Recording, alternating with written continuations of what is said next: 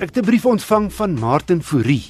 Hy skryf ek beoog om my motor, 'n Volkswagen City Storm 1.4i self te diens, soos wat ek al jare met staatmakers soos die Cortina 3.0s, Bantam en BMW 316 gedoen het. Wat ek wil weet is of ek my skootrekenaar met die motor se boorddiagnostiese rekenaar kan koppel. Vra Martin. Verder is daar toepaslike sagte ware wat ek kan aflaai en gebruik om meer oor die toestand van die motor te leer. So antwoord Nicolou, hy is die tegniese redakteur van die tydskrif Car. Wesal, eerstens is ek bly om te hoor daar is nog eienaars wat bereid is om hulle hande vuil te maak. Ek het self baie genode uit om my eie voertuie te dien en dan kan 'n mens nog 'n klomp geld ook spaar. Ek dink net 'n mens met die nodige kennis hê. Natuurlik moet jy altyd by die diensskedule van die spesifieke vervaardiger hou as jy eie voertuie voorsien. Ek dink om om te antwoord, moet ons net eers 'n bietjie die agtergrond uh kyk na hierdie diagnostiese stelsel wat in alle moderne voertuie is. Die stelsel kom al van 2001 af en word staan bekend as OBD2 of EOBD in Europa en daai OBD staan vir onboard diagnostics. En wat dit nou is is dis 'n stelsel wat in die enjin beheer eenheid is en dit kyk na al die elektroniese sensors, die komponente, die stelsels op die aandryfstelsel en as daar 'n fout kom met enige van daai, dan sal daar 'n foutkode gestoor word in die geheue van die enjin beheer eenheid en die kode kan dan nou gelees word deur die regte toerusting in te prop by die OBD poort wat natuurlik nou in die kajuit sit. Gewoonlik omtrent by die bestuurder daar waar jou knie teen die paneelbord raak daar omtrent sal jy die OBD poort uh, vind. Nou wil ek ook net sê dat Martin praat van met 'n 'n skootrekenaar. Daar's eintlik 'n baie maklike manier om dit deesdae te doen en dis almal net slimfone en daar is nou al toepassings of applications beskikbaar wat jy kan aflaai op jou slimfoon wat jou toelaat om dan nou te kommunikeer met jou enjin beheer eenheid en dan dat daai kodes dan nou te lees om te sien of daar iets fout is met jou voertuig. Wat dit ook toelaat is om te kyk na lewendige enjin data, so jy kan kyk na goed soos enjin temperatuur, enjin revolusies, die persentasie las en so aan kan jy lewendig monitor. Uh, ook op jou op jou slimfoon. Ektelik moet jy nou inprop of met 'n kabel of jy kry een van hierdie Bluetooth devices wat dan met jou foon skakel. Ek wil ook net sê dat Tensy 'n gewone diens van 'n voertuig is dit natuurlik glad nie nodig om na daai stelsel enigstens te kyk nie. Selfs die handelaar sal gewoonlik tensy 'n gewone diens glad nie inprop en kyk uh, na die diagnostiese stelsel nie. Dis net as daar iets fout gaan wat nie op 'n ander manier kan oplos nie. So vir 'n normale diens kan 'n mens maar net kyk na die diensskedule en dan die parte vervang soos wat op die diensskedule aangedui word. Maar as daar iets fout gaan, soos almal het al op die instrumentpaneel byvoorbeeld daai oranje liggie gesien wat lyk soos 'n klein enjintjie wat aankom en miskien moet 'n boodskap wat vir jou sê check engine.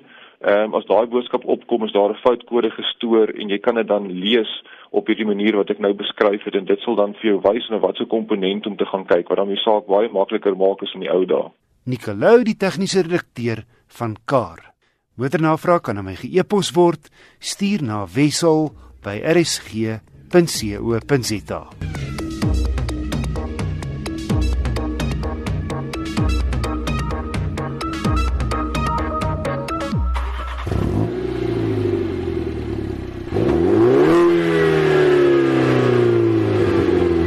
jy John Cooper hoogs op 'n mini sien, dan moet jy weet dis 'n blitsige kaland. Kortweg JCW, dis die heel vinnigste mini wat jy kan koop.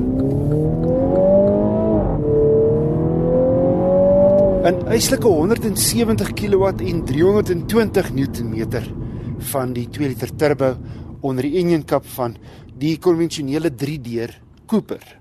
Niks subtiel aan sy voorkoms nie. Sportiewe ligskorte met twee frisse uitlaatpype in die middel agter en 'n prominente fin agter teen die dak. Ook die binneruim is nie vir introverte nie. Helder rooi konstateer met swart. Die skakelaars in die middelkonsole het 'n interessante ontwerp wat sterk herinner aan resies karresin. Sulke plat aluminium skakelaars wat jy afdruk om iets te aktiveer en te deaktiveer. Die sportsitplekke is baie ondersteunend. Maar spasie agterlangs baie min, nie 'n kindervriendelike kar nie. En daarvoor is hy te klein.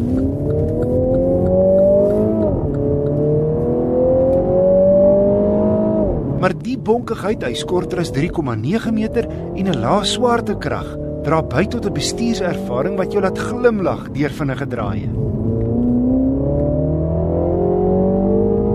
Bixie het 'n baie direkte stuur en die ewenaar sluit elektronies om stuurtraagheid op die limiet te te werk. So, hy verander blitsvinnig van rigting.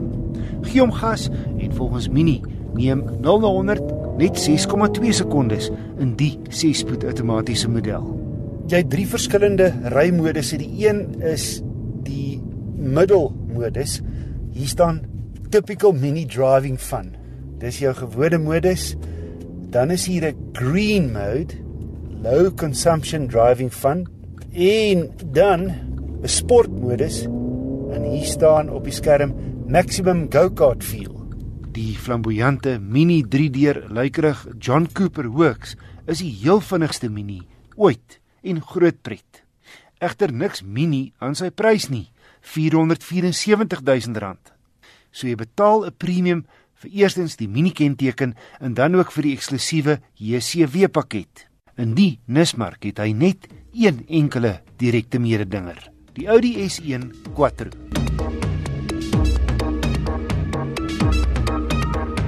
Die South African Festival of Motoring vind van Woensdag tot Sondag by die opgeknapte Kailami renbaan by die Johannesburg plaas. Behalwe al die nuwe en klassieke voertuie te sien, gaan vervaardigers elkeen 4 modelle hê waarmee toetsritte om die baan gery kan word talle ander motor en 4x4 en motorfiets aktiwiteite gaan aangebied word. En daar word ook vir kinders voorsiening gemaak.